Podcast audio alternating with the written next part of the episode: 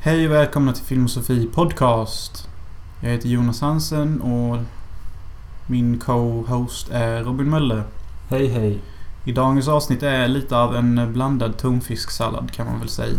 Ja, det kan man säga. Mm, Det- Som vanligt i slutet så kommer vi ju snacka om Emanuel.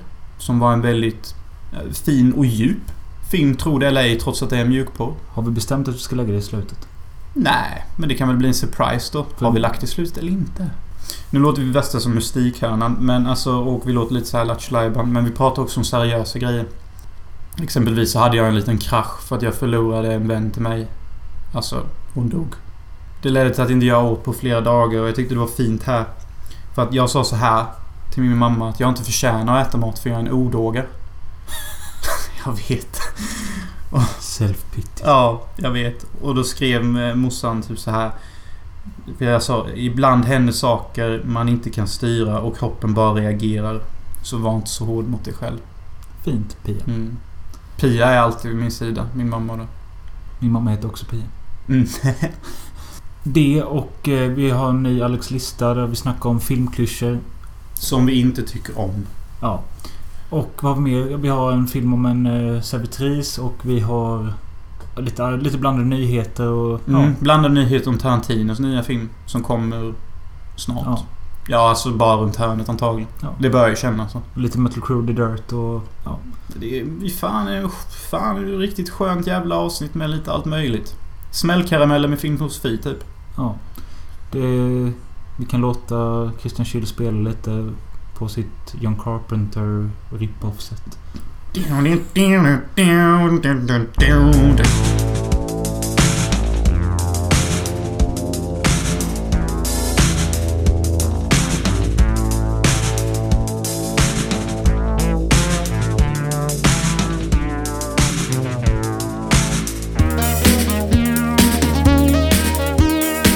och eh, dagens news är att eh, detta är Filmosofi Podcast avsnitt 78. Jag heter Robin Möller och eh, sitter här med eh, Neo. ja, Neo från The One. Matrix, Jonas Hansen. Vi dricker superkaffe. Som jag jag tycker det var gott. Det är en bl- blandning av Zoegas Blue Java och Jonas eh, specialkaffe han köpte på Elgiganten vi pratade om förra podden. Lyxkaffe. Precis. Eh, med lite kanel och ingefära i. Jag tycker det smakar som ett uh, bitigt julkaffe. Så jag har inget emot det. Jag gillar ju det. Du köpte jävla massa ingefära igår. Ett halvt kilo. Men det kostar 25 spänn bara. Äpplen käkar två kilo. Det jobbiga är att jag kan knappt äta typ 10 gram ingefära på en månad. Så jag vet inte fan hur det här ska gå till. Nej. Men eh, Så det är därför jag leker lite så här samarit och delar ut till alla som vill ha. jag har för mig att det håller väldigt länge. Mm, Det gör det också, men det håller inte så Men länge. vad har man det till? Har man det till mat och grejer? Ja, eller te. Ja, te vet jag Och ju. Men, ingefärsshots är ju populärt som fan nu. Ja. Lika populärt som färgen svart typ. Och jag har sagt det innan i podden, jag säger det igen. Min favoritläsk, Ginger Ale, är ju baserad på ginger, alltså ingefära. Mm. Men jag skulle tippa på att det kanske är 0,02 ingefära i. Ja, men det är ganska mycket smak av det. Ja, men eh, det är ju som den här... Det är så jävla efterblivet. Det är som när man köper typ vissa safter och sånt. Och så typ bara jordgubbssaft. Och så kollar man bak hur mycket jordgubb det är. Noll. Ja. Det är liksom bara Bara- konstgjord jordgubbssmak. Sånt är hemskt. Ja, det tycker jag verkligen det. Alltså när jag köper jordgubbssaft så vill jag typ ha 80% jordgubb. Jag tror det är typ eh, bolaget eller märket Brämhult som är legit. Alltså det är typ, det är bara frukt. Mm, men jag är inte så säker på det heller. Nej, inte jag heller. För alltså... Jag kommer inte tro på det förrän jag ser hur de gör det från start till slut. Nej. Och jag lovar att det är inte 100%. Jag tror det hamnar någonstans på 70 om man ska räkna in allt som de inte behöver skriva. Mm. Typ vatten, eh, antibakteriemedel, vad fan som helst typ. Men det är likadant när du köper... Du sa att du funderar på att bli fruktian. Eller fan, fruktarian. Ja, bara äta frukter och sånt. Ja. Ja, plus bär då för att jag gillar bär för mycket. Mm. Men det menar, man vet ju inte hur mycket frukt och sånt skit är besprutade av medel och grejer. Nej, men man tvättar ju alltid av sånt. Ja, okej. Ja. Skit i det. Hur har din vecka varit? Ja, jag kan svara för det, men jobbigt att du har haft en berg och dals- berg och dalbanevecka typ. Mm. Ja. Ja. Jag vet, jag kommer knappt ihåg längre var saker börjar och saker slutar. Nej. Känns som jag haft en månad av knas typ. Nej, vad fan. En, en person jag kände har gått bort. Vilket tog mig hårt och triggade ett form av Jag ska nu vägra äta mat. Som höll i fyra dagar. Jag var tvungen att säga till honom att du måste få i dig något för han, då... Det går inte att hålla på så. Jag vet inte vad som hände. Jag är så jävla ledsen typ. Men efter ditt samtal till mig så... Du lyssnade på mig så åt du. Sen stack du ut och sprang. Mm, Och det blev lite av en vändning. mm, mm. Det blev lite endorfin så jag fick tillbaka lite så här basic mood typ. Kunde göra grejer. Sen så åt jag redan dagen efter också. Jag tyckte det märktes med igår när du kom hit att du... Du var mycket mer... eh, Du var mycket mer nere på jorden när du kom till mig igår. Till skillnad från när du kom till mig tidigare i veckan. Du var liksom... Kommer inte ens ihåg hur jag var. Nej men du var typ nervig och bara frågade och var orolig med allting och... Ja just det ja. Jag kom hit och satte mig där och, och bet på fingrarna typ och hade massa teorier om olika människor Ja. typ och vad de trodde om mig och sånt. Så här jätteparanoid och konstig. Ja. Jag har aldrig klarat att hantera sorg så jättebra faktiskt om jag ska vara helt ärlig. Men eh, en positiv sak i ditt liv är ju att eh, din eh, hårddisk är tillbaka. Mm. Mm, det är det fan. Men jag, alltså, det är rätt sjukt hur lite glädje du har visat för det. Alltså jag har lust att slå dig lite för du... Du sa typ att du ville ta livet av dig när allting gick sönder och nu när äntligen allting är räddat då är det liksom som en axelryckning. Ja, jag visste väl det typ. Vet, jag är lite nonchig så när det kommer till success typ och tur. Egentligen förstår jag inte varför universum fortsätter hjälpa mig. Ursäkta, jag ska slå några. Vad gör hon? Är hon på mina bär eller någonting? I så fall så får du fan... Jo men det var ju lite komplext alltihop. För att... som, som jag nu har sagt innan, alltså... Innan det kraschade, då var jag super inne i projektet. Det fanns bara Ice of the Sun för mig. Jag klippte liksom i huvudet och jag klippte i fingrarna. Det enda jag tänkte på var det, så när det kraschade så kraschade hela min värld typ. För jag trodde inte det kunde finnas en värld utanför mig då. Nej. Så då blev jag skitledsen för att jag hade identifierat hela mig med filmen. Så dog filmen så dog jag. Typ. Mm. Det var, det var ett horrocrox. För de som kan Harry Potter.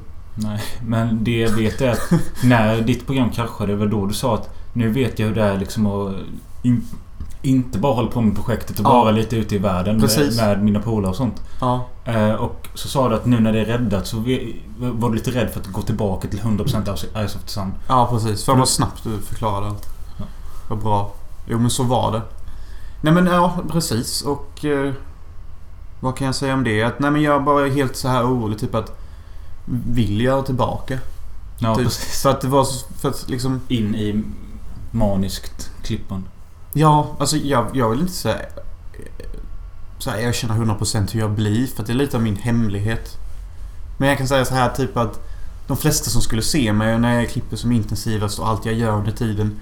Jag tror de flesta inte skulle vilja att jag höll på så. Nej. Jag tror de flesta skulle typ... Så här bett mig lägga av. Ja, jo, visst. Det är ju därför jag håller min, min klippstil i hemlighet när jag blir så inne i det. För jag vet att folk kommer tycka att jag bör byta stil. Typ. Ja. Jag kan inte gå in i detalj på det. Jag är manisk som fan bara. Sure is. Jag har inget intressant att nämna om mitt liv förutom det att eh, Nova har försvunnit ut i kylan och hon har ingen päls. Jag fick skriva inlägg på Hyltebruks anslagstavla. Någon eh, tant fick hjälpa mig att leta upp henne så att hon inte skulle dö i kylan. Det är typ det mest dramatiska som hänt i mitt liv. Mm. Jag vill bara inflika att Ge det ungefär en vecka så kommer jag vara lika maniskt inne i Ice of the Sun igen och känna en sån här lycka över att projektet var räddat. Mm. Det är bara det att jag är en sån här omställningsperson. Det var nog bättre. Att det tar lite tid för mig att komma igång med saker. Men sen när jag väl kommer igång då är jag liksom full metal jacket. Ja. Och så tar det tid för mig att stänga av. ja, du kan inte göra någonting halvdant typ. Nej, Alltså, du... och jag har lite så här seg acceleration. Men när den väl kickar igång då är det... Need eh, for speed versus fast and the furious. Eller någonting. Så jag vill bara få det klart för jag känner mig lite ful.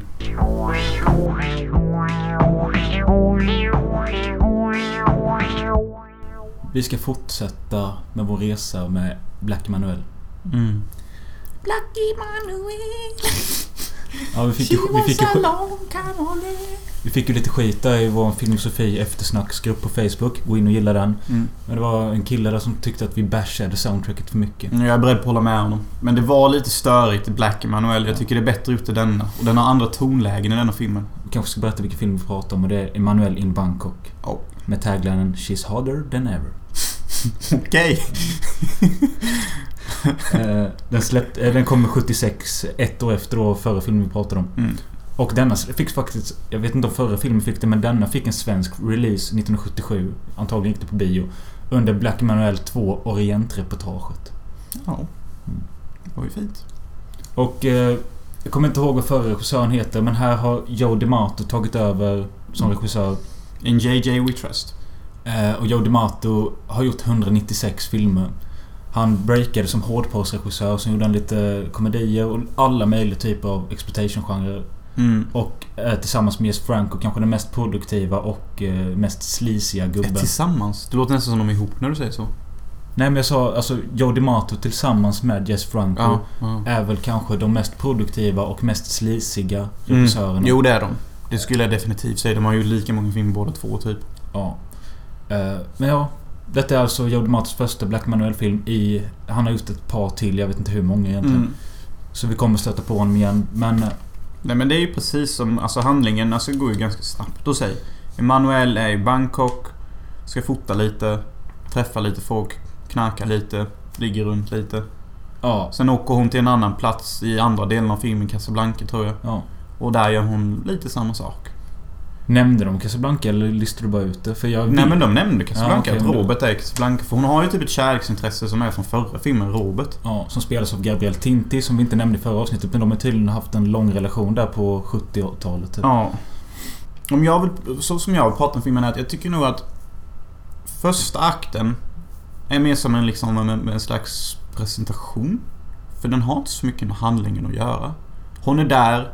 Hon blir gruppvåldtagen. Det är ju sent, sent film.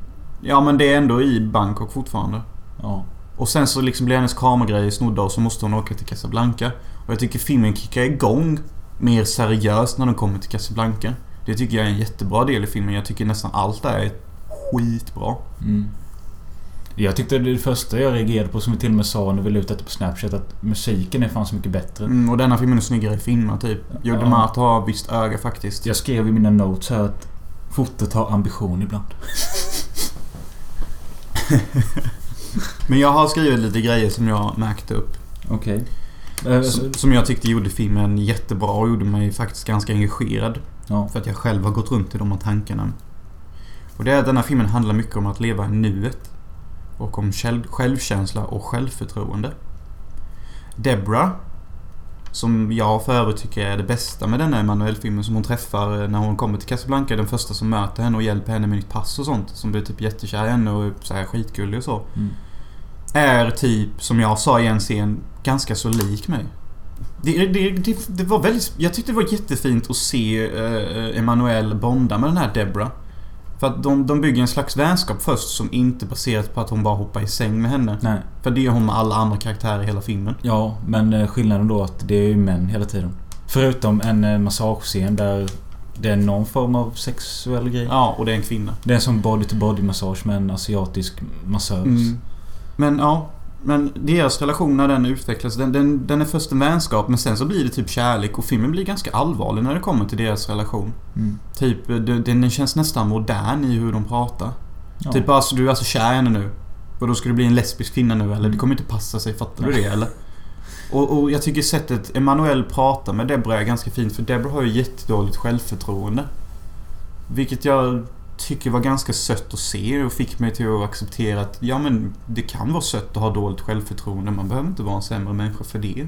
Alltså Debra var en jättefin person. Ja, jag Trots det att hon var... Hade var jättenegativ mot sig själv. Mm. Och typ så här vågade inte visa sina tavlor och sånt och bara Mm. tänkte negativt. Det var jättesött och ganska relaterbart.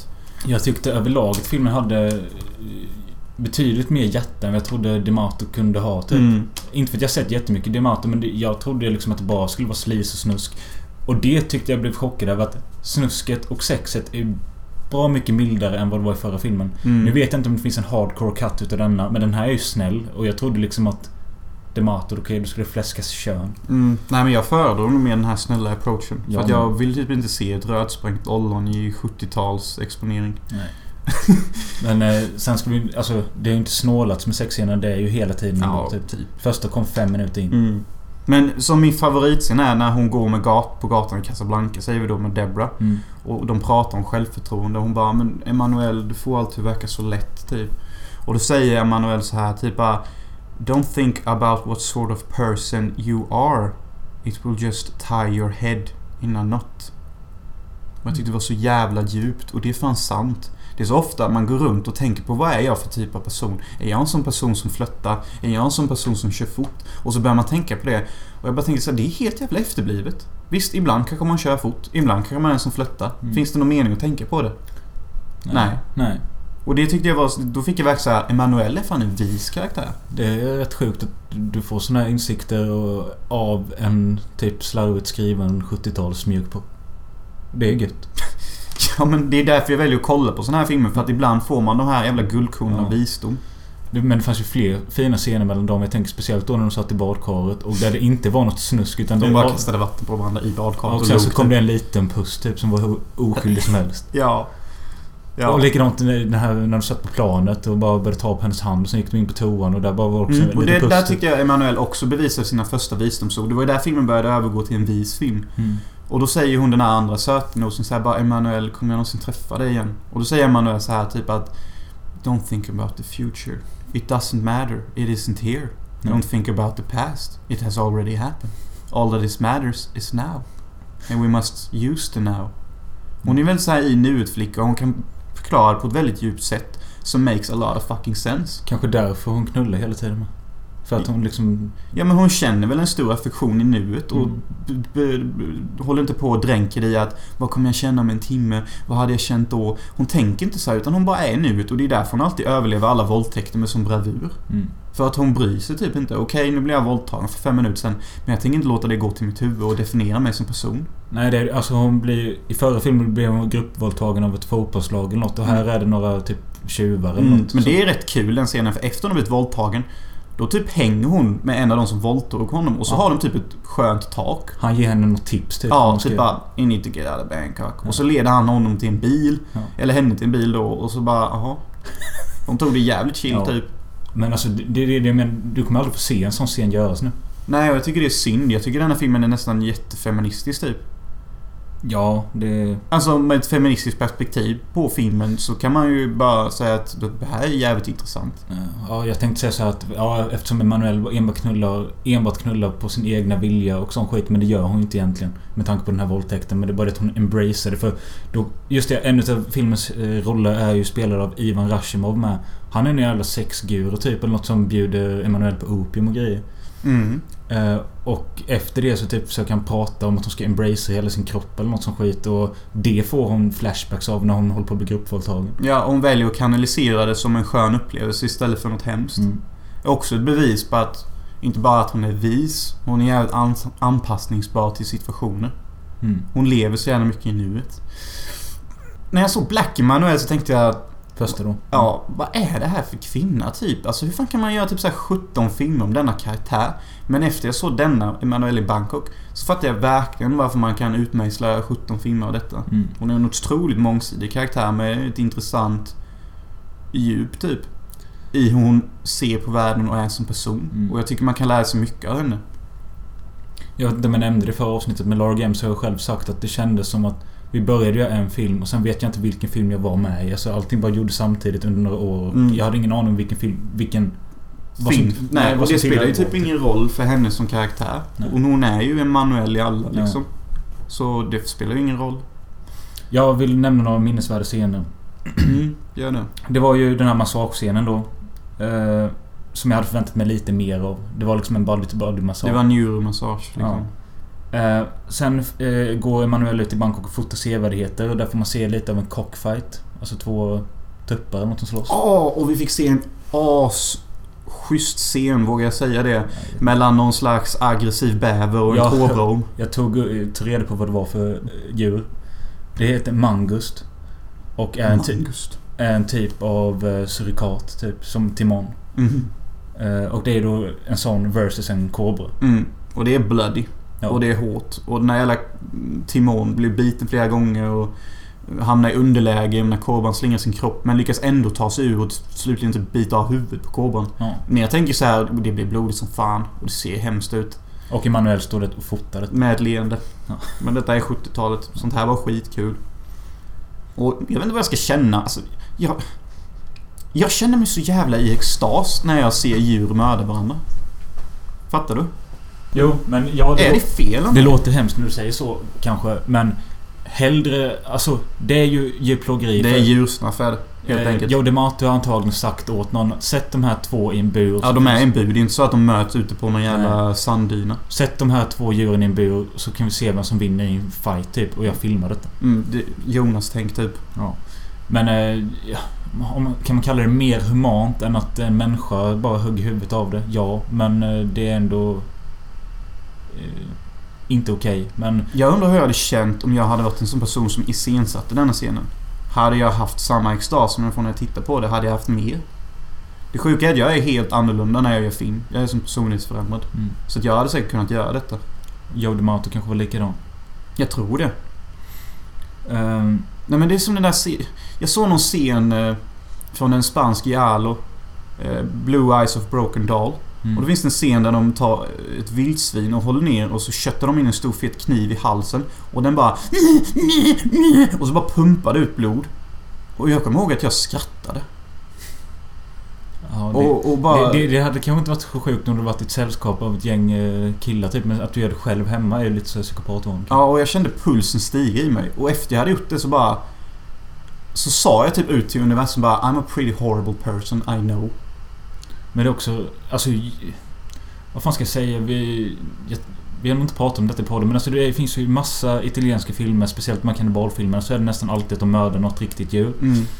Eh, jag, Men vet alltså, jag... Jag tycker det uh, förgyller filmen för att Det gör det det blir ett starkare och sjukare verk. Intryck. Ja, skär, ja, men filmen... Men sen så... Den får lite så här, så här G. Den blir G liksom. Den blir lit. Ja, men... eh, Den är Sen tycker jag, jag tycker fortfarande det är hemskt, men det är det som gör så att det liksom blir bra. Mm.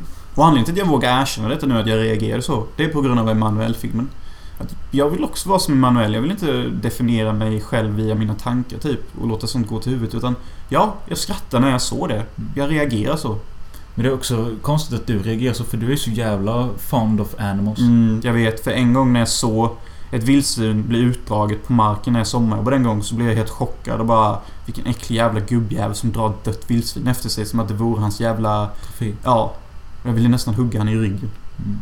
Så att, men när det kommer till film Då är all bets off for my part you know. Mm. Alltså I have no morals. I'll do anything typ. För filmen.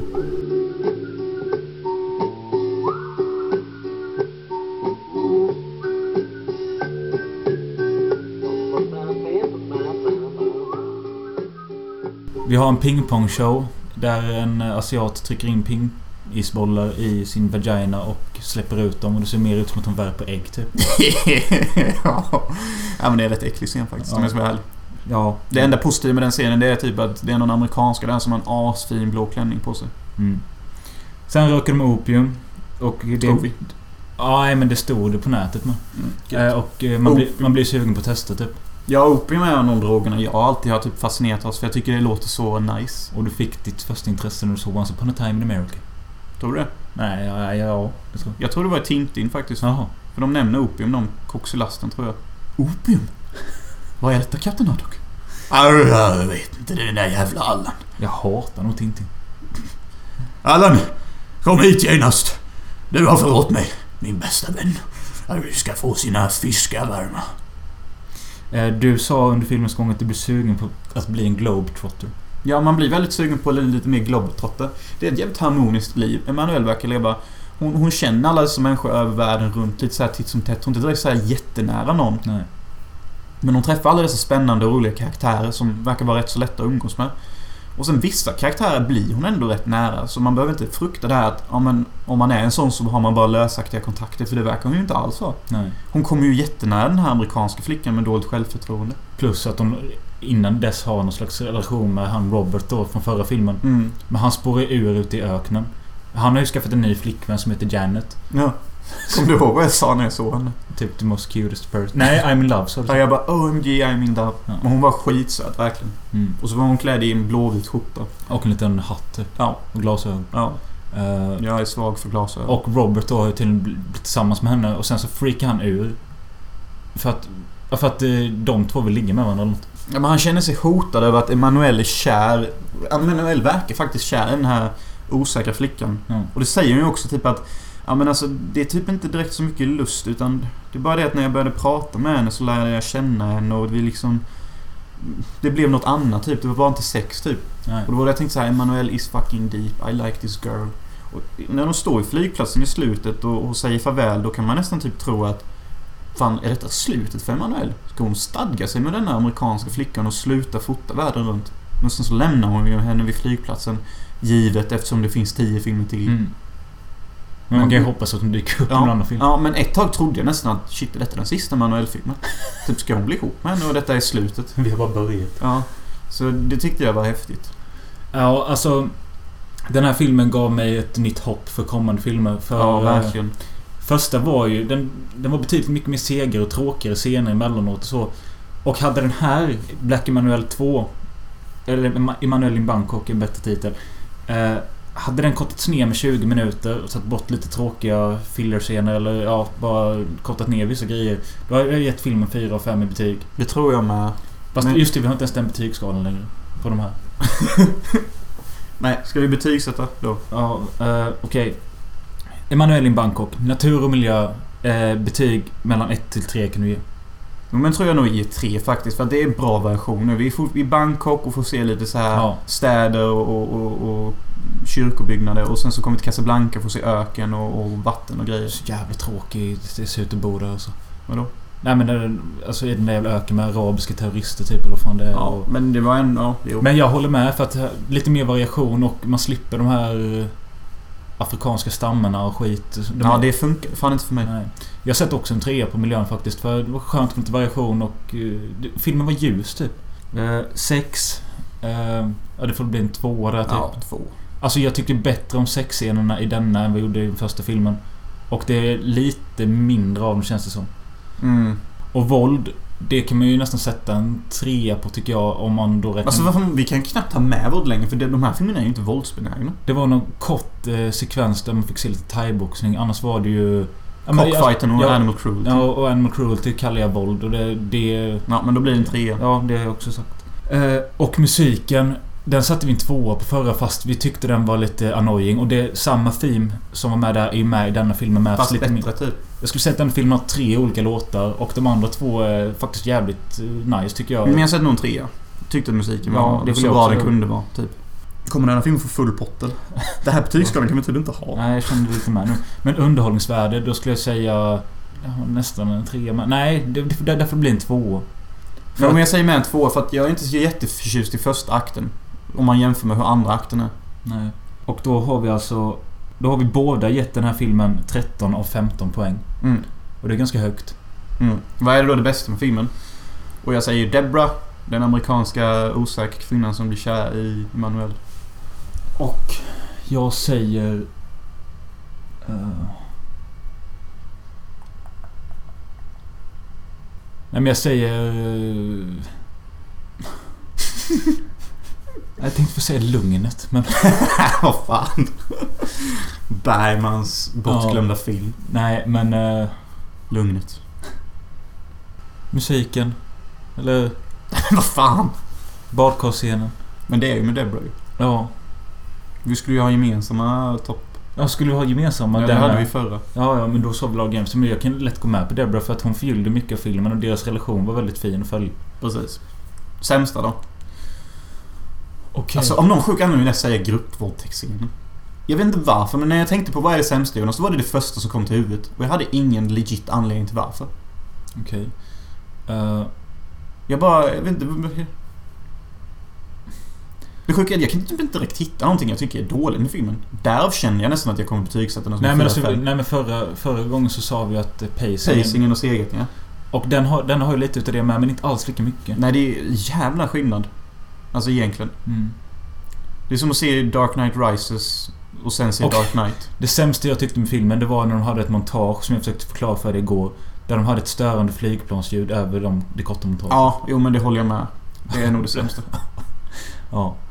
Eh, men ja, då var vi klara med Black Emanuel 2. Emanuel in Bangkok. Och det kommer kännas så jävla gött sen. Jag tänker så här typ bara... Det är ändå rätt kul. Tänk om man hamnar i någon lustig dialog med någon amerikan eller någonting. Så, så kan man säga typ bara... You know, I've seen all the Emanuel movies. Och det är bara sån här, det kommer bli en sån här kul grej. Så bara, har du sett alla dem? Why man? Så bara, yeah you know, they're fun you know. Ja. Så det kommer bli en sån grej typ. Ja, ja det är kul. Och man bara... Det är ja, roligare att säga att man har sett alla Black Emanuelen. Jag har sett alla Nolans film. Ja men typ. Det, det gör... Så bara, då kan man bocka av det. När man sett alla Fredag, har sett alla Chucky, jag har sett alla Emanuel. Så bara, då bockar man av.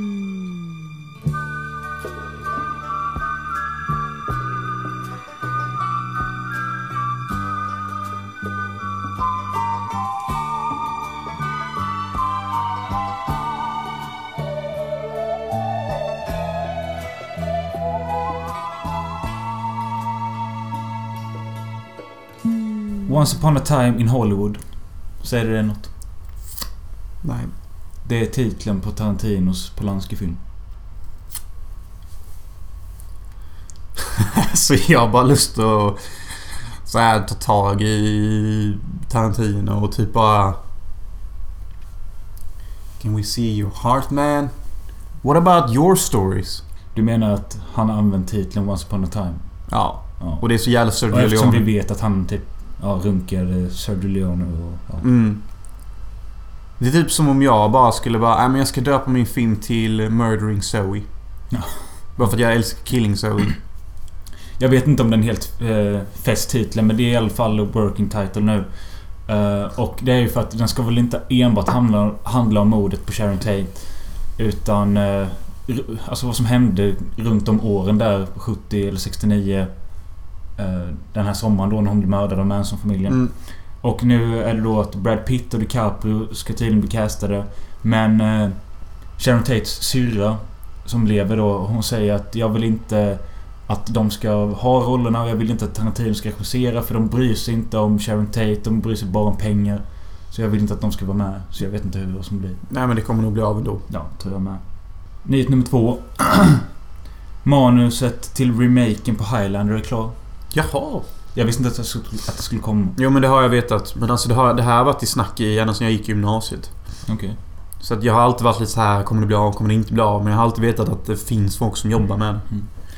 Det känns ju faktiskt som att det behövs en ny Highlander. Eh, eller behövs behövs men jag menar bara att jag såg ju om den och den är daterad. Mhm. Men jag som älskar filmen har ju också sett om den och erkänt att jag inte heller tycker den är lika bra. Okej, Men vet du någonting om handlingen då? Ingenting. Jag orkar inte läsa vidare om det. Nej, jag vet lite men det, det kan ju också vara daterat. Men tydligen ska det vara Ry, han som spelar Deadpool. Ryan Reynolds. Ja, ska kanske vara Connor McCloud då. Eh, inte lika karismatisk som Lambert kanske. Nej, men det är ingen så det är Nej. lite svårt. jag, jag vet inte, vissa uttalar ju Christopher Lambert Lambert eller något sånt. Ja, men det är för att han är belgisk. Ja. Så hans namn är egentligen Christophe Lombard. Om jag säger så här, det ska komma en uppföljare till en film från 91. Och taglinen till denna uppföljaren låter så här. When the streets are the jungle, there can only be one king. Vad var det för film sa du? Detta är en uppföljare till en film från 91. Ah, okej. Som vi har sett till den här podden. Mm. Som kommer komma detta året. Och taglinen är When the streets are the jungle, there can only be one king. Ja, Lejonkungen. Nej. Det är alltså klart att eh, Lionheart 2 kommer. Oj. Med eh, Damm. Med Van Damme och eh, han har till och med varit med och skrivit manus. Och den är i pre-production och släpptes en poster med den här taglinen. Och jag tänker, fan vad cool typ. Ja, men det här känns ju spännande. Ja. Jag tycker ju att den är hans bästa film än så länge. Ja. Och eh, tydligen så är detta den enda uppföljaren han har gjort. Eh, Där han är med själv då. Ja, precis. Mm. Ja, men ja, det kan nog... Ja, men det är ju säkert sant. Alltså, och han har tydligen skrivit ett manus med till The Quest 2. Det känns ju... Ja. Jag vet inte hur jag ska reagera För på The det. Quest, jag har för mig att han regisserade själv Ja, också. ja, och det är ju med han den här britten. Roger Moore. Är han med där? Mm. Ja. Och jag har hört massa rykten om att Roger Moore tyckte att Van Damme var den mest avskyvärda personen han träffat. Jaha. Men att han liksom inte visade det under inspelningen. Typ. Ja. Jag vet inte vad han tyckte om Van Damme. Typ att han var egoist eller något. Ja, det är mycket möjligt. Jag har också hört lite skit om honom. Typ att han inte är så jävla skön. Mm, precis. Eh, Men jag tror han är rätt skön om man klickar med honom. ja. Jag tror han är en sån person som... Han har typ väldigt svårt för människor han inte typ tycker om. Tror jag. Alltså, ja men typ som jag. Alltså jag klickar ju inte det med alla och... De som jag inte klickar med tycker nog jag är jättejobbig. Mm. Ja, det stämmer. Men jag taggar ändå Lionheart 2. Mm, jag med som fan. Riktigt jävla mycket. Eh, regissören till den kommande Frozen 2 vill försöka ge en flickvän till karaktären Elsa. Nice. Någonting I'm all for that. Hon kommer kämpa för att få igenom. Hoppas. Det hade varit eh, typ groundbreaking. Det hade varit sexy. Är det Disney eller är det... Det är Disney. Ja. Och Elsa är den sexigaste jävla prinsessan de har skapat. Är det den blonda? Isslynan. Förlåt, spårar tillbaka. Ja. Nej men det var fan det här vi diskuterade igår. Att när det kommer till sänghalmen vill bruden bli nedtryckt som en liten slätt. Ja, du och grannen pratade om det. Ja, för att jag har funderat på det länge, typ vad den här undergivheten, alltså... Nej men det är ju, det är ju ganska ett känt begrepp, typ att tjejer gillar bli Det ni snackade om var att majoriteten av kvinnorna vill att det ska vara jämställt överallt förutom i sänghalmen för då vill de att männen ska vara dominanta. Mm. Och jag, jag tänkte på det efter vi kom fram till det att jag kan typ förstå det. Alltså vi är typ dubbelt så mycket större som en kvinna. Tänk dig själv hur häftigt det känns att bli tagen av en nästan dubbelt så stor varelse. Och man börjar helt under deras kontroll. Mm. Det är nog fascinerande. Den roligaste nyheten då, enligt mig, eh, eller för min del. Jag vet inte ens om vi har pratat om det i podden innan, du har ju hört det. Det är ju klart nu att eh, filmatiseringen av boken The Dirt om Mötley Crües liv på 80-talet eh, ska komma. Det har varit snack om det sedan 2003. Men nu, eh, nu händer det liksom och det är jag jävligt glad för. Och Jeff Tremaine är regissör, det vet vi sedan tidigare. Mannen bakom Jackass. Men nu har de också castat hela bandet plus Ozzy Osbourne. För Ozzy Osbourne var med under någon turné och snottade myror och skit och... han, han pissade nog på myror och sen snottade han pisset och myrorna tror jag. Bara för att visa att nu ska ni se vem ni är på turné men så ni inte tror att det är någonting småkille. Mm. Då ska gitarristen Mick Mars ska spelas av Game of Thrones eh, skådisen Ivan Rehon. Inte en aning. Inte jag heller. Trummisen Tommy Lee ska spelas av artisten eh, hiphop eh, Machine Gun Kelly. Det vet jag vem det är. Jag med. Och basisten Nicky Six ska gestaltas av Douglas Booth. Som är tydligen med Jupiter Ascending. Jag vet inte fan vad det är för snubbar de hittat egentligen. God. Eh, sångaren Vince Neil ska spelas av The Punisher, skådisen Daniel Webber. Alltså det är The Punisher TV-serien. Mhm. Eh, och Ozzy ska spelas av Tony Cavallero. Inte en aning heller, men han har tydligen varit med i School of Rock. Eh, det kan säkert bli bra. Jag såg bilder på de här killarna och det känns bra. Eh, men det jag vill veta är vilka som ska spela alla tjejer i boken. Alltså Heather Locklear, Pamela Anderson, Vanity. Alltså alla de här stora sexsymbolerna från 80-talet. Vem ska göra dem idag? Eh, unga eh, kvinnor som har liknande ansiktsstruktur som de eh, lägger en CGI-platta på och fixar. Mm. Det är ju det... Det är lite orolig, eller jag är inte orolig egentligen eftersom Jeff Tremaine är regissör och Nicky Six är väldigt involverad i hur filmen ska vara. Han har ju haft den här idén hur länge som helst. De andra i bandet... De, Skiter i typ. Ja men de ska vara med och producera och så men de bryr Det sig betyder att de cashar in med pengar Ja, typ. precis. Eh, och det ska göras till Netflix, vilket är... Ja, Netflix Det är ju kul. Ja, men Netflix har gjort många bra filmer på si- sistone, så det Ja, kan... de är de som jag ser de som har vision nu för tiden. Det är de som typ förstår sig på hur ungefär hur samhället kommer att se ut i vår framtid. Mm. Det är det deras filmer vill handla om. Och jag tycker de har en jävligt bra koll på vad fan vi är på väg. Det är typ så här PK fast inte så jävla in your face. Nej. Jag tänker på, speciellt på den här vi såg... eh, Paradox. Ja, Cloverfield. Cloverfield Paradox. Mm, Den är väldigt PK. Alltså om Mm. man kollar på besättningen. Men det är typ. ju det att ordet PK får inte beblandas med The Dirt. Om man, alltså, om man läser boken så... Det får den inte. Nej men jag har, jag, för mig har det PK ändrat benämning. För mig är PK ett sätt att vara modern. Okej. Men typ att liksom... Men alltså när jag tänker på Cloudfield Paradox då tycker jag så här, men det är fan kul att alla ser så olika ut och kommer från så många olika ställen. Mm. Jag tycker det är mycket roligare än att alla hade varit vita exempelvis. Mm. Det blir mer färg på filmen. Nu är ju alla ju Metal Crew vita och skådisarna var också vita. Mm. Eh, Men eh, Nicky Six har ju sagt i tidiga intervjuer eh, att han vill ha filmen att... It's going to be a cross between movies like Boogie Nights and Goodfellas. It's going to have a lot of bite to it, like Sid and Nancy. It's going to have the same kind of credibility as Walk the Line and The Doors movie. Det låter ju bra som fan. Vad tror du? 5 av 5? Nah, Du vågar hoppas på det? nej, jag vågar hoppas på en 4 av 5. Eh, men alltså det beror helt enkelt på. Fan jag tänker mig när du laddar ner en scen eller du går på bio Ja. typ. Efteråt du kommer bara Fan jag vill sätta femman typ.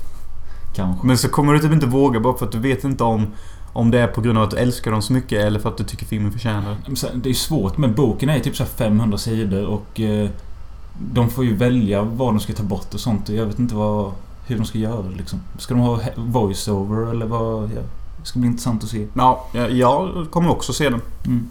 Alltså förutsatt då att inte trailern ser helt jävla sämst ut. det var det jag kommer ihåg för, kan det varit 7-8 år sedan nu när eh, de skulle göra filmen Rock of Ages. Och detta var typ när jag älskade 80-talsrocken Dear som mest. Ja. Och så sa de ah, nu, ska vi komma, nu kommer en hårdrocksfilm utspelar sig på 80-talet på Sunset Strip och Whiskey Go-Go och sån skit. Så ser man trailern och bara vad fan är detta? High School Musical Ghost Rock Ja, version. verkligen. Det var liksom... Ja, Det var så popifierat. Tom Cruise liksom. Mm. Men jag förstår inte hela den approachen att de gjorde det så popifierat. Nej, Jag trodde de verkligen det skulle funka med den typen av musik? nej jag, jag begriper inte det. Alltså jag menar, alltså, alltså de som gillar typ High School Musical de och sånt, de det. gillar ju typ inte rockmusik Nej. så de kommer ju det, det liksom Och de de som gillar rock... kommer inte gilla det. Så det, liksom, det blir ju så här de, de cancellade ut två stycken Läget. målgrupper Ja. direkt. Kan jag känna. Men de hade säkert en idé kanske. Ja. Eller så var det en massa producenter som bara Måste vara popifierat, annars når vi inte ut. Som Mm. som inte redan fattar typ.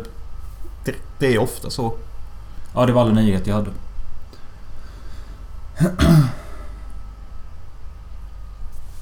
Ja. Fan vad jag är skakig. Mm.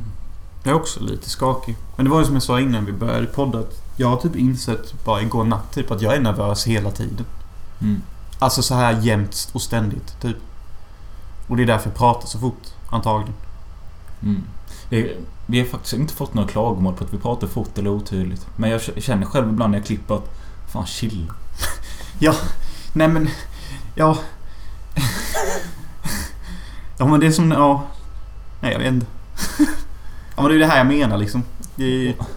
Great story Mark. Äh, Nej, jag har ju... Jag har försökt göra ett quote från The Room.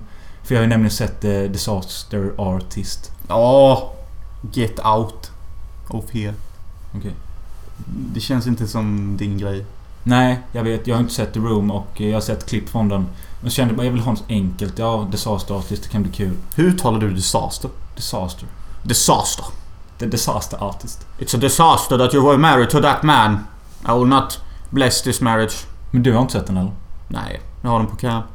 Ja, okej. Ja, det finns ju bra kvalitet. i den. Fuck that shit man. Ja, men alla vet vad det handlar om. Det är liksom James Francos tolkning av hur The Room kom till, typ. Mm. Och jag har inte så mycket att säga om det mer att jag som inte har sett The Room kunde ändå uppskatta filmen.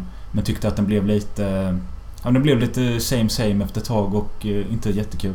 Men ändå en stabil 3-5 om man gillar att se en udda mans dröm och hur den går att uppfylla sig på ett sätt som inte han själv förväntar sig. Det verkar ju askul. Tänk om de gör som Ice the Sun. Ja. Jag pratade med en person om, om Ice of the Sun med tanke på att den är ju inspelad här i närområden och sånt och på Torups jävla park där. Tänk vad kul om, om liksom Ice of the Sun blir askänd och det i framtiden kommer typ massa konstiga, konstiga tyska turister och bara Ja. Nu ska vi ställa upp oss här. Ja. Ta en bild. Ice of the Sun. Så bara åh, vi är där de spelade in. Så har de sån liten gift shop där man kan köpa sektdräkter typ. Ja, så blir det värsta turistgrejen. Ja, det hade varit kul. Så bara Torup undrar får fan tacka mig då. Ja, verkligen. Satte Torup på kartan. Ja. Torup general. De kallar oss Tokyo. Jag ska fan spela in en film här. Det regnar mest i hela landet. Det säger de om Torup. Ja. Kolla här. Här är sol. Det är sant faktiskt. Den lilla byn Torup, där regnar det mest i hela Sverige. Typ. Ja men det har ju hemsökt oss nu. När man säger man kommer från Torup. Alla bara ja där regnar det mest. Så bara blir man ju deppig. Alltså jag vill se Torup som en fin och solig stad. Det var ju här Ice of the Sun spelades in. Mm. För mig är det glädje. Ja, det var ju det jag försökte hitta när jag satte på Netflix och ville ha någonting att somna till. Då hittade jag serien Everything Sucks. Som är en ny Netflix-produktion då. En serie i 10 delar. Avsnitten är 22 minuter långa. Och jag tycker detta börjar bli lite jobbigt. Men jag är ju extremt så här I love the fucking 90s. Men jag kan känna att nu börjar alla älska 90-talet och allting utspelas på 90-talet. Och han säger detta för att serien då utspelar sig Ja, på precis. 90-talet. Och vilka mer serier och filmer vill jag kritisera som utspelar sig på 90-talet som kommer nyligen? Men, nej, men det bara känns som en sån Ja. go-to-grej nu för tiden. Ja. Alltså innan brukade jag tycka att 90-talet var unikt och känna såhär Wow, det utspelas på 90-talet. Nu har det blivit så här default.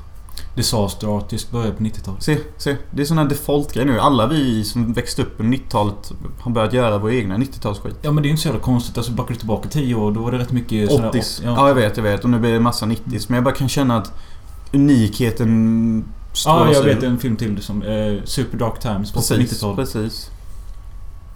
Men i alla fall Everything Sucks då det utspelar sig på ett high school där några ny, nya elever som börjar där de eh, joinar någonting. Det är Sture. eh, TV och Ja, film. typ. De Sture. joinar någonting som heter AV Club. Jag vet inte om det står för Audio Video Club eller något sånt skit. Skulle Men tro det. de eh, väljer ett val i skolan då att de har... De ska göra film och teater typ. Så finns det en teaterklass med några äldre elever som är de skolans coola gäng. Och de här filmen, eller seriens huvudkaraktär är ju Tenta då. Och de går ihop med de här coola gänget för att göra en film. Eh, En sci-fi film också under tiden. Då följer man deras relationer och skit. Det är vad hela serien är. Avatar the prequel typ. Men eh, serien påminner lite om eh, Freaks and Geeks som då utspelade sig på 80-talet. Men Freaks and Geeks är mycket, mycket bättre. Ja, Freaks and Geeks möter typ Living in Oblivion. Ja, lite så. Men eh, rätt lättittat. Ni kan kolla in det om ni vill ha... Alltså för jag... Vi har ju sagt innan att vi tycker inte om serier i denna podden men... Nej, det gör vi inte. När det är såna 20 minuters avsnitt så är det ganska skönt. Och det går snabbt att se liksom. Mm. Liksom 10 avsnitt det blir ja, tre och en halv timme eller något sånt skit. Jag drog ju det på en och en halv dag.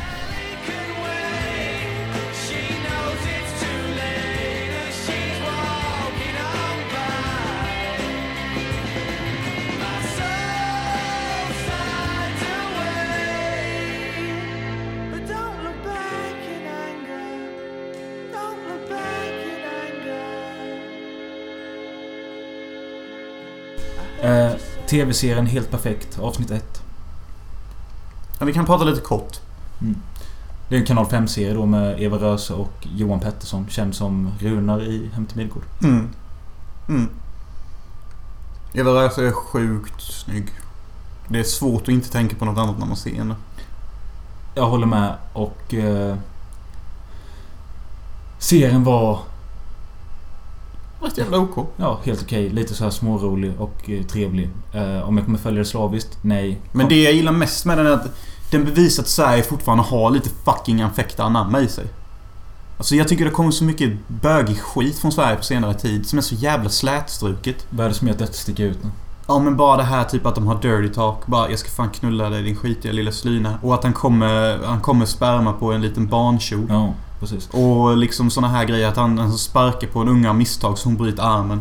Det är mycket, mycket råare. Det är vuxet. Det känns som en lite mer dirty version av Solsidan. Precis. Och det ger mig så här hopp typ att ja, men Sverige, Sveriges media har nog fan ändå kvar den här gnistan av vuxenhumor. Mm. Som fanns i Heja Björn och Ja, sånt. precis. Och det känner jag att fan var skönt liksom. För att jag är så trött på svenskproducerad fjunskit. Ja. Säg fitta! Så jag får höra det klart och tydligt. Mm.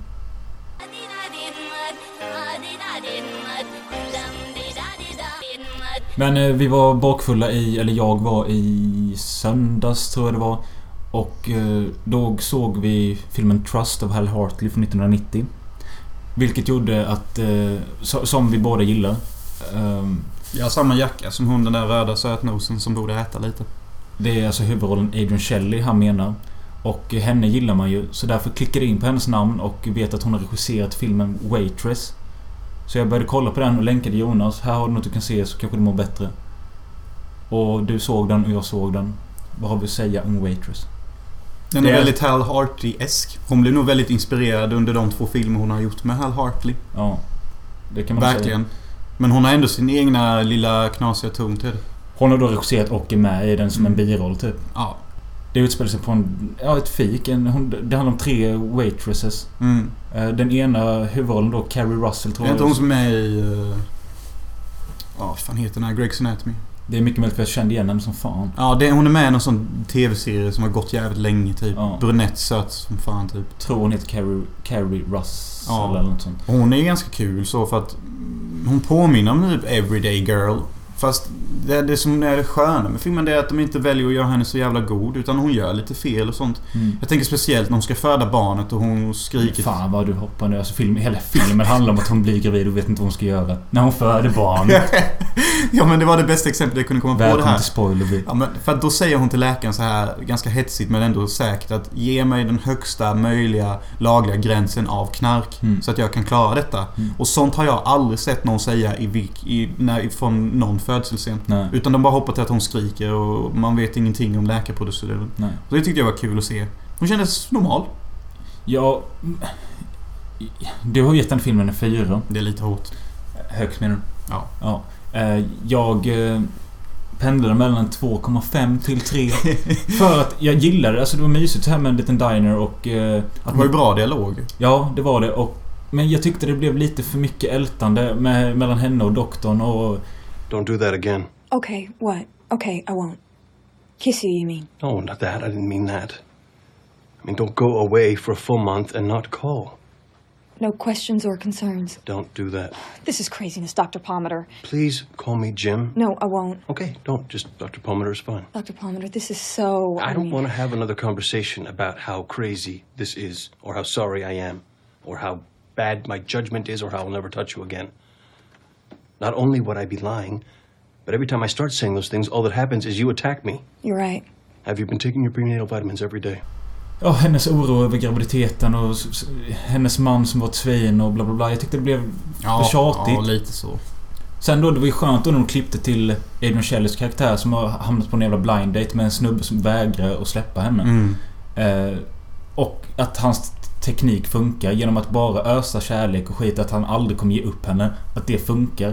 Mm, Men det är ju ett begrepp som vi män måste lära oss som ger upp för lätt. Att tjejer vill typ bli jagade. De gillar det.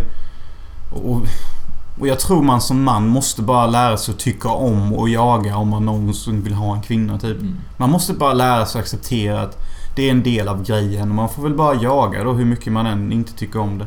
Jag har aldrig varit så förtjust i hela jag-grejen. Jag tror jag jagat en kvinna en gång typ. Sådär som andra män gör. Du vet lite maniskt och lite Mm. så här chauvinistiskt typ. För att henne gillade jag verkligen typ. Men det var för att hon gav mig en puss. Vilket är typ random som fan. Ja. För det, hon var en 10 poängare. Se på det typ. Men jag fuckade upp det om ni vill veta. Waitress, helt okej. Alltså, ja, helt okej. Den går att se. Lugn film, typ. Mm, verkligen. Men det som är nämningsvärt att säga, som också är tråkigt att säga, det är att Adrian Shelley... Hon eh, blev mördad 2006. Samma år som den filmen gjordes. Eh, hon hittades i eh, sin dusch, hängandes i ett rep. Såg ut som ett självmord. Men hennes man sa till polisen att ni måste undersöka detta noggrannare för att hon har verkat jättelycklig de senaste åren med mig och eh, sin karriär. Hon har varit jätteglad för att göra filmen Waitress som snart släpps. Eh, så det här, det här känns inte rätt. Det måste vara någon som ligger bakom detta. Polisen lyssnade på detta och eh, började, de släppte det här att det var ett självmord och kollade efter bevis. De hittade ett fotavtryck i hennes lägenhet.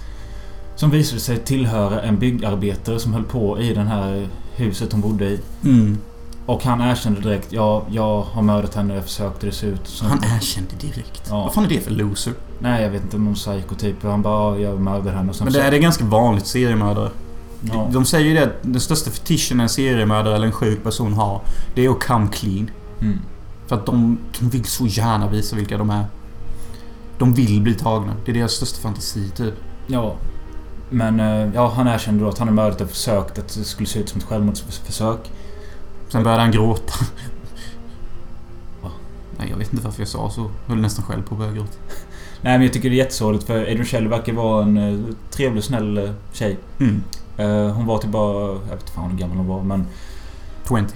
Nej, men 40 någonting. Men... Eh, jo, så... Hon blev mördad då så det blev ingen mer film för henne. Men det som var ännu tråkigare var att hon hade sett fram emot att filmen skulle komma med i Sundance. Vilket blev klart två månader efter att hon var död. Att den kommer visas som en öppningsfilm på Sundance. Eh, och eh, det fick inte hon ta del av. sen då hennes man sk- skapade någon eh, Adrian Shelley Foundation. Som ska ge till bidrag och scholarships till eh, unga skapare och skit. Var inte den könsdefinierad för då jävlar? Nej, det vet jag inte. Men däremot finns, fanns det en filmtävling som hette typ Woman Films bla bla bla. Som hade en... eh, Varje år har de en Adrian Shelley pris. Mm. Och det är till den filmen som mest passionerat har gjort någon vinkling till våld emot kvinnor. Så Mhm. får de Adrian Shelley priset typ. Varför då? Alltså det är ju typ inget våld emot kvinnor per se i Waitress så. Nej, men för att hon blev mördad av en man antagligen. Jaha. Jaha. Alex lista. Återigen dags för Alex lista. Eh, denna gången så blir det topp tre filmklyschor. Alltså topp tre vi inte tycker om. Ja. Ja, topp tre störande filmklyschor. Ja. För det, fin- det finns ju nog vissa filmklyschor man tycker om. Det måste du ju göra. Och jag tror jag vet någon filmklyscha. Finns det någon filmklyscha man tycker om? Detta borde vi ju tänkt på innan. Men bara så här spontant.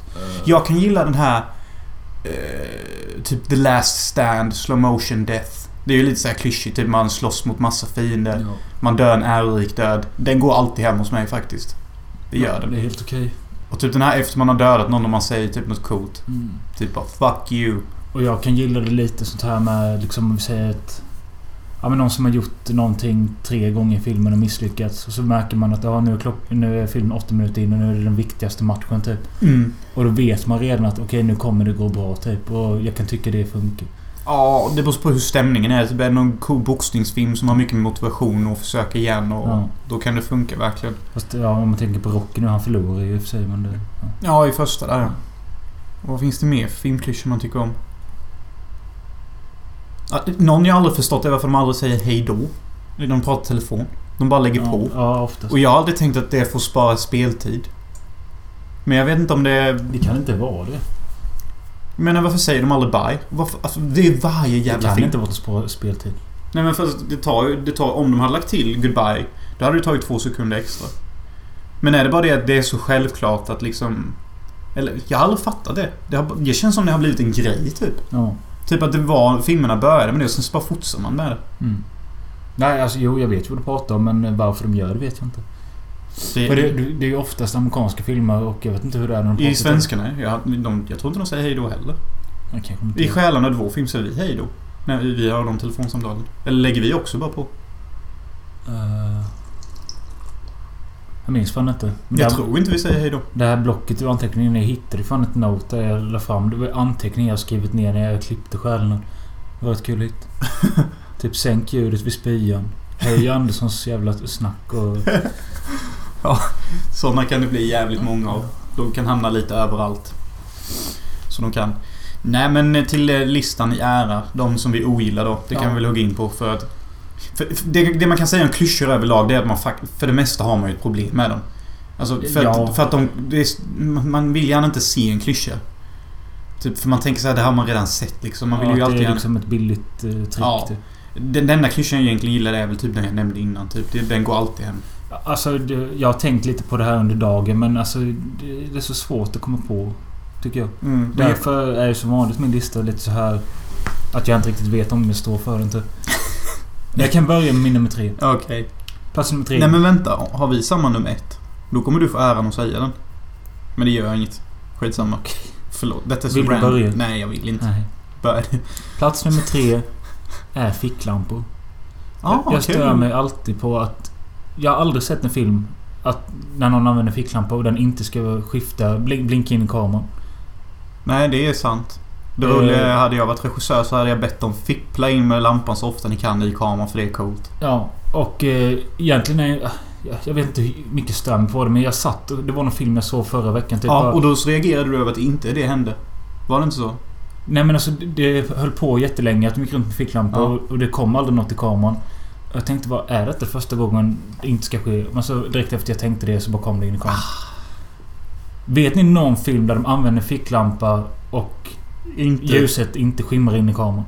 Nej men jag, jag, jag hatar att jag stör mig på det och jag vill se en film utan det. Så Mm. nå- ska jag använda en ficklampa någon gång ska jag själv Ja. undvika det. Ja, men det, det, det är det här med klyschor också. Många klyschor är så typ att de är inte så här per se störande. Eller jo, de är ju det. Men det, det problemet är att man har sett dem så många gånger. Mm. Typ, jag hatar när man, när man förväntar sig det. Och det kan vara sådana små grejer som du säger. Ja. Och så bara händer det. Och min nummer tre, detta är ju en jävligt uttjatad klyscha. Denna finns nästan i var tredje film. Ja. Som försöker vara spännande. Och det är exempelvis när två eller tre personer siktar med pistoler mot varandra. Och, och någon skjuter. Och så klipper de till närbild. Och så ska man tro att den personen blir skjuten. Ja, Men sen så går det typ fem sekunder och så ramlar den ja. onde. Man bara vet det redan innan. Typ man bara vet det. Man bara vet det. ja. Enda gången jag tycker Men- detta har gjorts jävligt bra. Ja, ja nej, jag försöker bara tänka om det finns något ord för det. Men Mexican stand-off, inte. fake... eh, Ja, jag, jag hittade inget för men ni alla vet vad jag pratar om. Ja. För alla har sett det. Och jag vet, detta är ingen film per se. Där det sköts, där detta används jättebra. Men det är faktiskt i Max Payne 2, The Fall of Max Payne. Spel då. Spelet. Och det är när Max Payne och Mona Sachs och uh, Winterson har en stand-off, du vet där på... På byggnadsplatsen. Mm. Och då skjuter någon. Och då klipper de till närbilder till alla karaktärer så. Och man tror kanske det är Mona, man kanske tror det är Winterson, man har ingen aning. Det som gör att detta funkar det är att det är tre. Ja. Och man tror kanske det är Mona eller någonting. Men sen så klipper de slutligen till Max Payne. Då är det alltså han som har tagit steget och skjutit sin kollega för att rädda sin älskarinna. ja okej. Och det tyckte jag funkade asbra. För sist jag spelade spelet, då hade jag glömt bort det helt. Så jag bara shit, vem sköt vem här? Då funkar det. Men Men- är det bara två, du vet. Det du stör dig på är att... Det är så jävla obvious ofta. Ja, okej. Det är det som jag stör mig på. Och, och att det är typ billigt. Det är alltså den tydligaste sån scenen som jag kan komma på i huvudet nu. Det är ju i svenska film 30 november.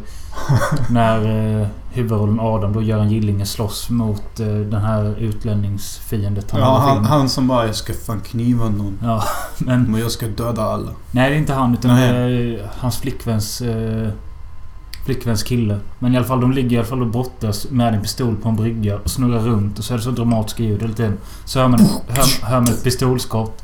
Så ligger båda stilla. Så undrar man då vem är det som har dött och självklart är det då brodern. The bad guy då. Ja. Precis. Det är alltid det typ.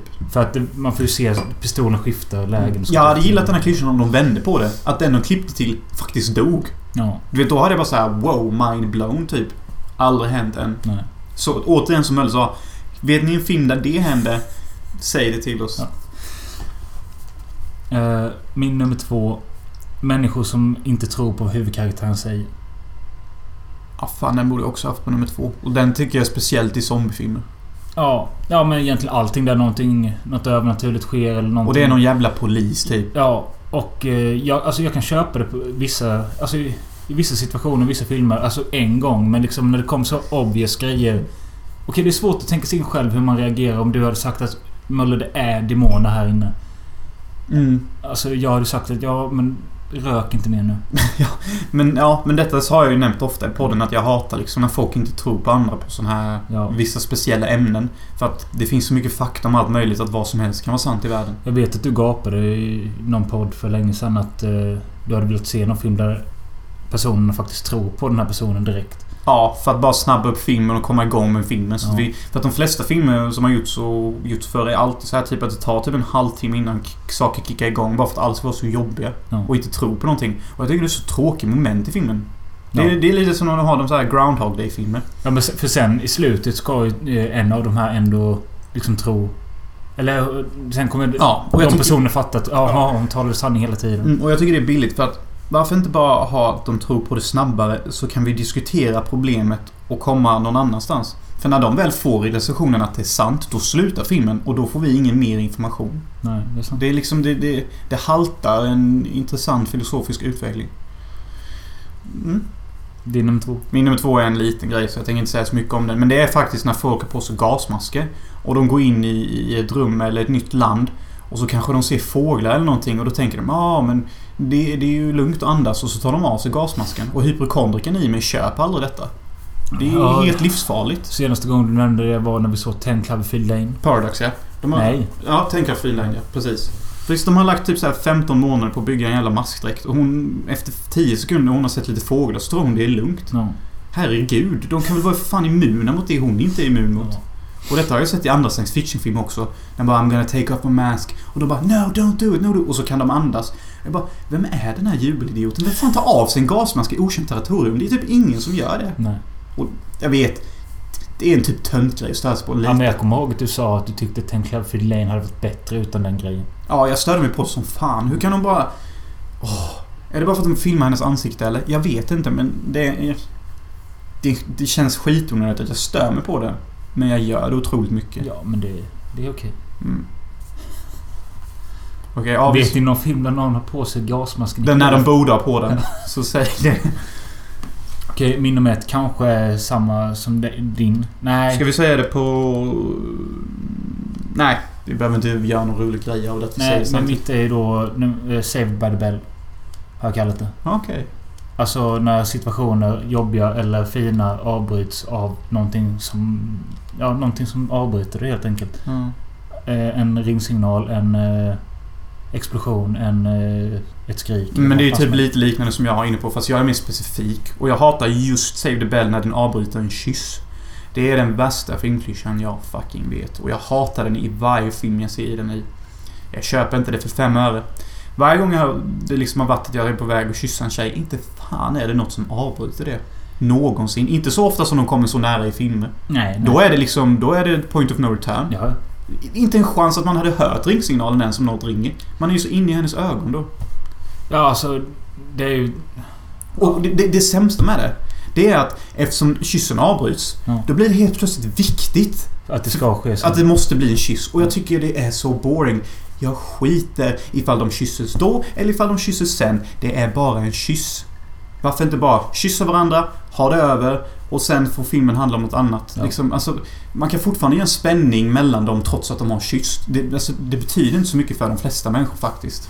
Nej, jag håller med. Alltså jag stör mig också sjukt mycket på just kyssar. Men det, finns ju andra exempel med. Vi säger om... Eh, någon har berättat något jätteviktigt eller något jättejobbigt för någon och det är dålig stämning i rummet. Då kan de skicka in en till karaktär. Helt plötsligt så blir den jobbiga stämningen avbruten. Mm. Eller ja, du fattar vad jag menar. Mm. Jag kan störa mig. Alltså, Du hade tyckt det hade varit mycket intressant att se. Jaha, hur fan löser ni detta nu då? Ja, att bara se dem sitta tysta i typ 30 sekunder. Och att Ja. någon kanske går därifrån. Ja, någon måste ju göra någonting. Ja, precis. Jag hade en sån liknande situation idag på jobbet. Och, och då satt jag bara liksom och härdade i de dåliga känslorna. Liksom. Eller ja, dåliga dåliga. Det var sorgliga toner. Men det var liksom ingen som kom in och avbröt. Utan vi Nej. bara satt i samma rum och ja, delade känslorna. Liksom. Mm. Och det liksom funkade. Tog en halv minut, sen var det över. Det hade varit intressant att se en film också. Bara 30 sekunder av tystnad så publiken får känna det. Ja. Liksom, alltså, ja. Eller att någon liksom försöker säga någonting istället för Alltså, liksom... fan, mycket, fan mycket bättre filmer det hade blivit om man bara flippade på klyschorna. Alltså istället för att göra det som förväntas så tar man en klyscha och så bara vänder man på det. Liksom, Mm. Istället för att en kyss avbryts så kyss de. Åh, spännande. Det finns ju säkert exempel men jag kommer inte på några just nu. Nej, jag har sett någon film alltså, där en kyss inte avbryts och jag blir helt mindblown. Ja. Liksom, men återigen... eh, Vad fan att den där jävla Copenhagen hade den klyschan alltså. Ja. Det gjorde mig så innerligt förbannad. Så att det inte var sant. Och Det- den det- var ju så extremt tydlig med. Ja, och, och, det, och det som gör det jobbigt sen är att de kysser sen på en klubb. Och då är det helt avstigmatiserat. Ja. Så då tänker jag, varför kunde de inte bara kyssa då innan också? De var nyktra då. Ja men det, det är liksom så här, varför inte alltså... Åh. Jag blir riktigt upprörd för jag tål inte den klyschan. Jag gör det bara inte. Ni kommer aldrig se mig använda det. Och om jag någonsin får så göra en film där den klyschan används, då kommer jag fan käfta ett bra jävla tag innan jag går med på det. Mm. Alltså det händer säkert i verkligheten med men inte... Inte så ofta som filmer vill få oss att tro. Nej. Och, då, och det händer säkert ofta så i verkligheten, men inte när de är så nära som Nej, filmerna har. För de är verkligen bara centimeter. Ja, alltid. Ja, det... Ja, det är en helt annan grej om det är en kåt stämning i rummet och man funderar om man kanske ska göra något. Ja, typ om man sitter en bit ifrån varandra och Ja. börjar närma sig och någon kommer in. Då är det ju trovärdigt liksom. Och det är alltid så jävla perfekt. Det är det som stör mig. Det är alltid så jävla perfekt när det är Save by the Bell. Det är alltid precis innan. Åh. Åh.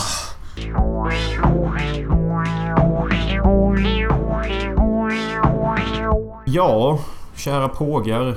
Det var fan detta avsnittet. Ja, det var det. Det blev vad det blev. Det Hoppas ni tyckte det var kul. Ja, nästa avsnitt blir ännu roligare. Ja, det blir lite Alzheimers och det blir lite... Sven Wollter goes full, full retard. Never go full retard, never sounded so Det var, ja, det var ingen som sa det till Sven Wollter. Den filmen hade inte ens kommit, Never Go Full Retard, men Nej. han gjorde det och det var väl faktiskt lite underhållande.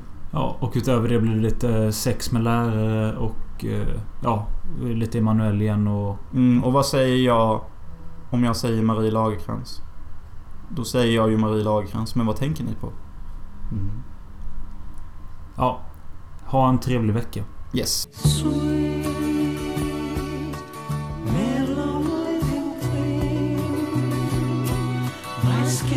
Just your